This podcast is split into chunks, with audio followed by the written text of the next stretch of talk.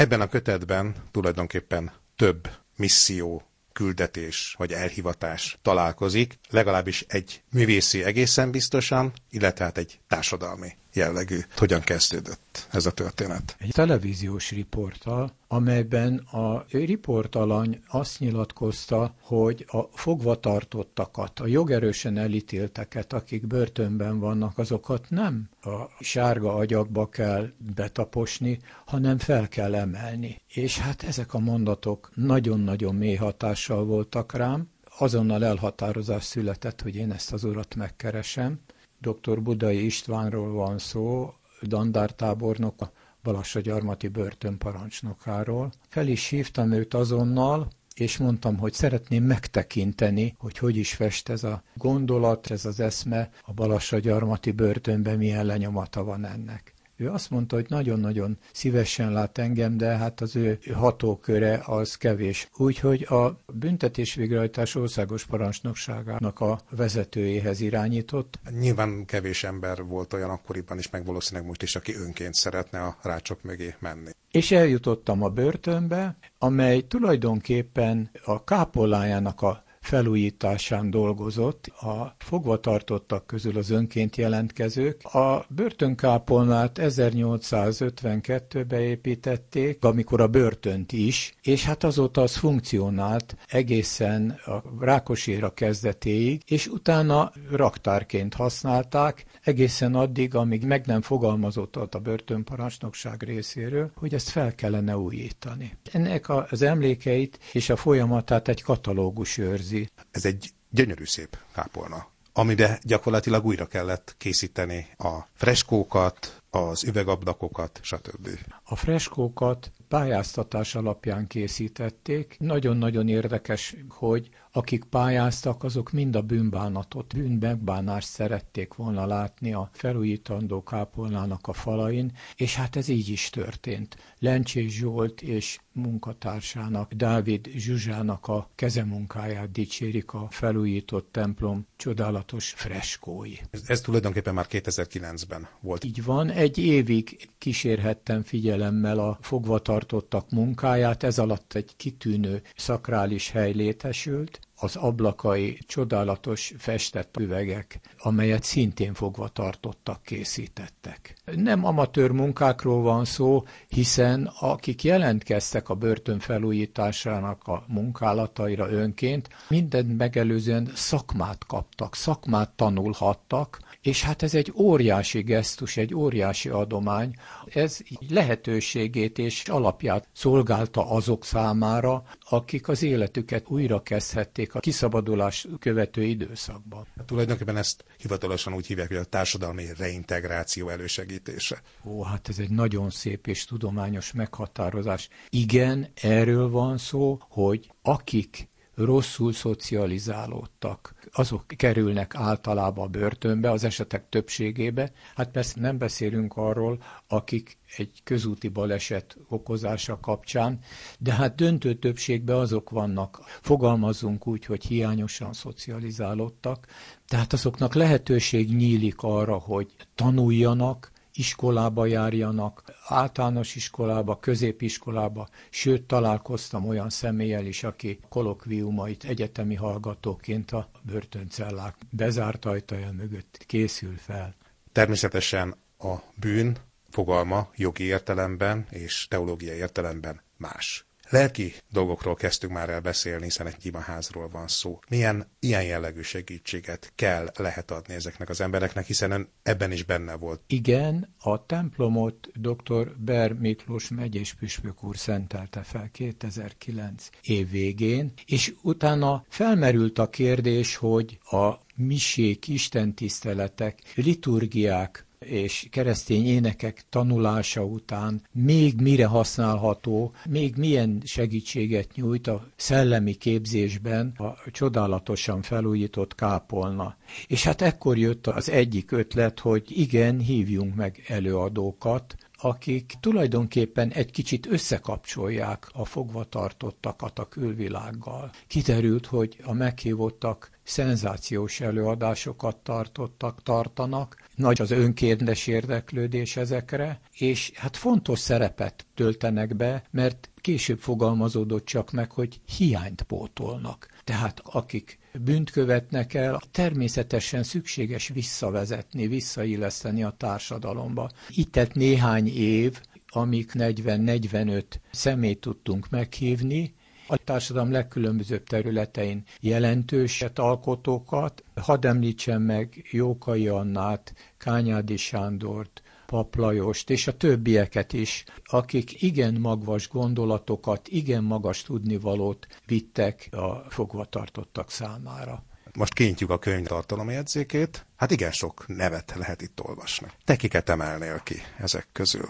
Mindenkit, hát mindenki. De ha már kérdezted, akkor dr. Prezenszki Zsuzsa pszichiátert, aki érkezése napján délelőtt a fogva tartóknak tartott előadást arról, hogy hogyan lehet megőrizni az immunrendszernek a védekező készségét. Délután pedig a fogvatartottaknak tartott előadást a börtönkápolnába ugyanerről. Jártott csillagász, tehát egy egész színes világ tárult fel a hosszú hónapok kapcsán, nem csak a fogvatartottak, hanem egyszerűen a közember számára is.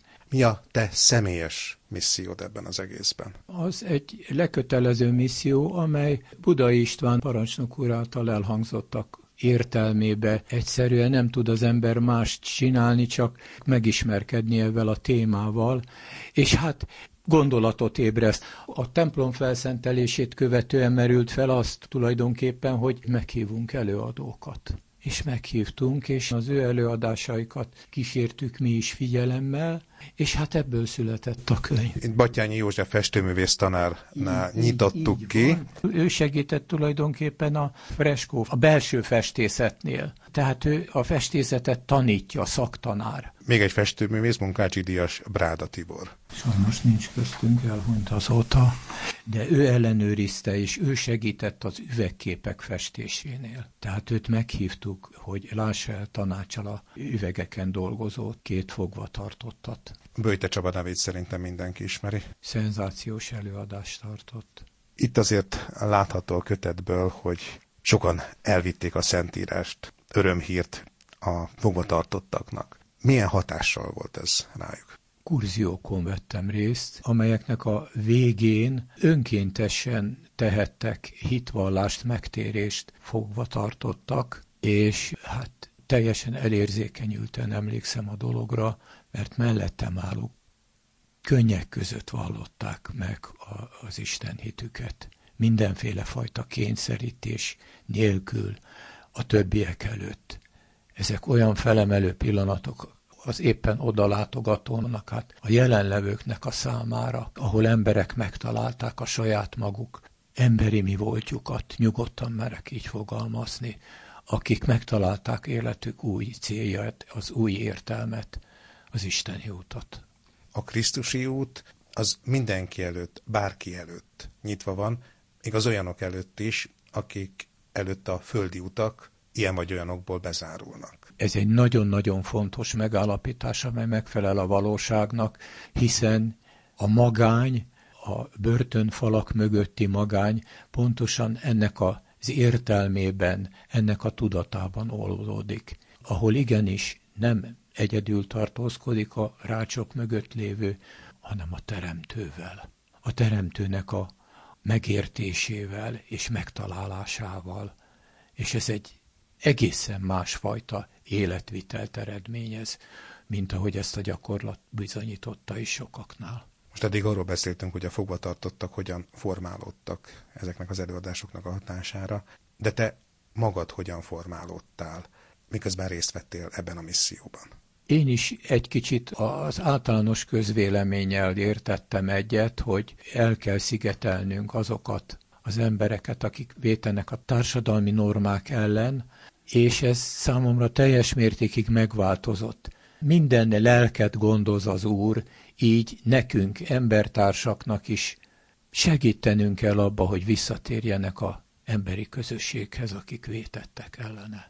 És ez egy egész másfajta lelki állapotot eredményez az emberben. Hogyha most valaki ennek a beszélgetésnek a hatására elhatározza, hogy ő is szeretne bekapcsolódni ebbe a segítségbe, ebbe a munkába, hogyan kezdjen neki, mit csináljon? Pontosan azt szeretnénk, hogy sokan jussanak el odáig, hogy elviszik a jó hír személyesen a börtönbe, vagy pedig a szabadulók számára megerősítik a kapcsolatok teremtésével, a fogvatartottak szabadulás utáni befogadásával ezekbe az emberekbe az emberi méltóságot. Én tudok a két világháború között egy olyan történetről, hogy egy börtönmissziós hölgy gyűjtést indított azért, hogy épüljön egy olyan ház, amely átmeneti otthont ad azok számára, akik frissen szabadultak a börtönből, mindaddig, amíg ugye munkát nem találnak, illetve nem lesz annyi anyagi forrásuk, hogy saját maguknak tudjanak ismét otthont teremteni. Ilyen dolgokra is kell gondolni, amikor az ember ezzel foglalkozik?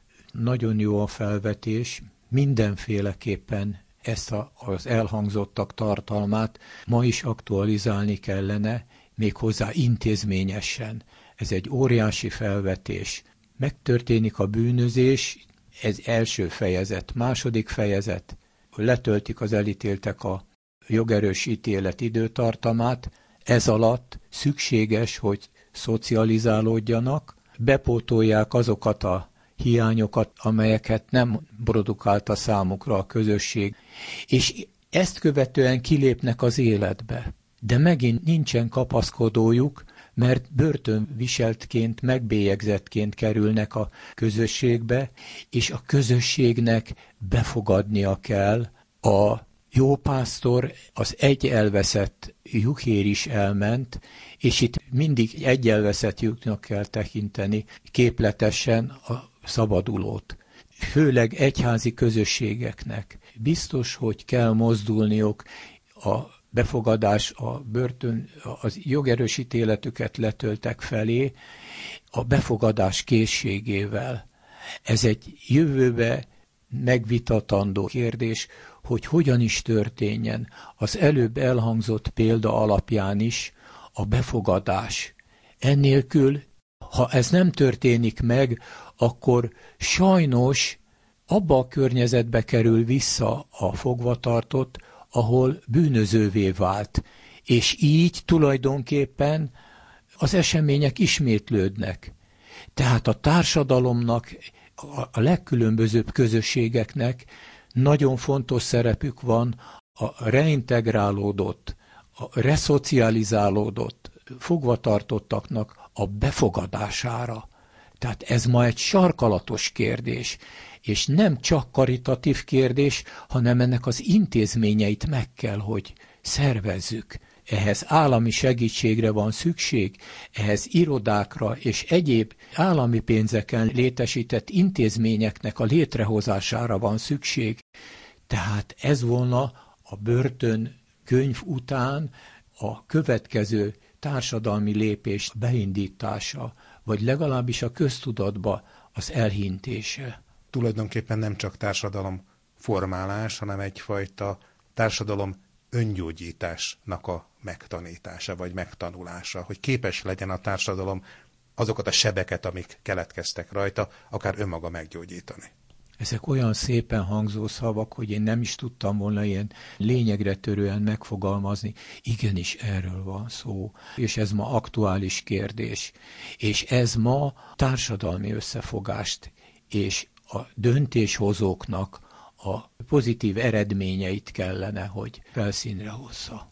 Nyilván ehhez a munkához elengedhetetlen, hogy a mostaninál jobban működjön a civil társadalom és a büntetés végrehajtás együttműködése. Ez így, ahogy van, ez nagyon jó szándék, mindenféleképpen szeretnék. Ennélkül nem megy, nem jön létre az a fajta megújulás a szabaduló fogvatartottak részéről, amely kívánalom, különben visszakanyarodik. Ugyanabba a közegbe, ahol elkövette a bűnt, akkor újra a börtönrácsok mögött köt ki. És ez azért nagyon-nagyon fontos, mert ez nagyon nagy százalékban így van, és ezen nem csak a mutaton, hanem a többszörösen megesett lelkeken egyszerűen testvéri segítségre van szükség. Amikor a rólad szóló kritikákat olvastam, azt írták, hogy kétarcú művész, egyrészt van egy elvont filozófikus képi világa, másrészt pedig ott vannak a tárgyfotók, amik nagyon konkrétak, már szinte újságírói precizitással készültek. Gondolkodtál-e azon, hogy melyik éned áll jobban a célhoz, vagy pedig egyszerűen ösztönösen készültek ezek a képek? Én kegyelemnek tartom azt, hogy bepillantottam az életnek ebbe a szeletébe, és hagytam mindig, hogy a valóság, a tények megmutassák magukat. Tehát engem a tények vezettek, amelyek függetlenül attól, hogy az élet negatív oldala volt éppen a börtön látogatások alkalmával, számomra betekinthető, Továbbra is azt tudom mondani, hogy a események lebilincseltek engem is a szónak a szimbolikus értelmébe, és azok vezettek. Tehát közel juthattam azokhoz a történésekhez, amelyekkel nem találkozunk a zárt ajtók véget. Milyen fontos üzenete van a hívő közösségek számára ennek a könyvnek, meg ennek a missziónak? Ha belegondolunk, nagy-nagy igény, szükség van arra, hogy a börtönből szabadulók egy új közösségbe kerüljenek, azonnal eszünkbe jut, hogy az elkövetkezendőkbe a hívő közösségek kísérjék figyelemmel azt, hogy kik szorulnak a közösségeknek a segítségére.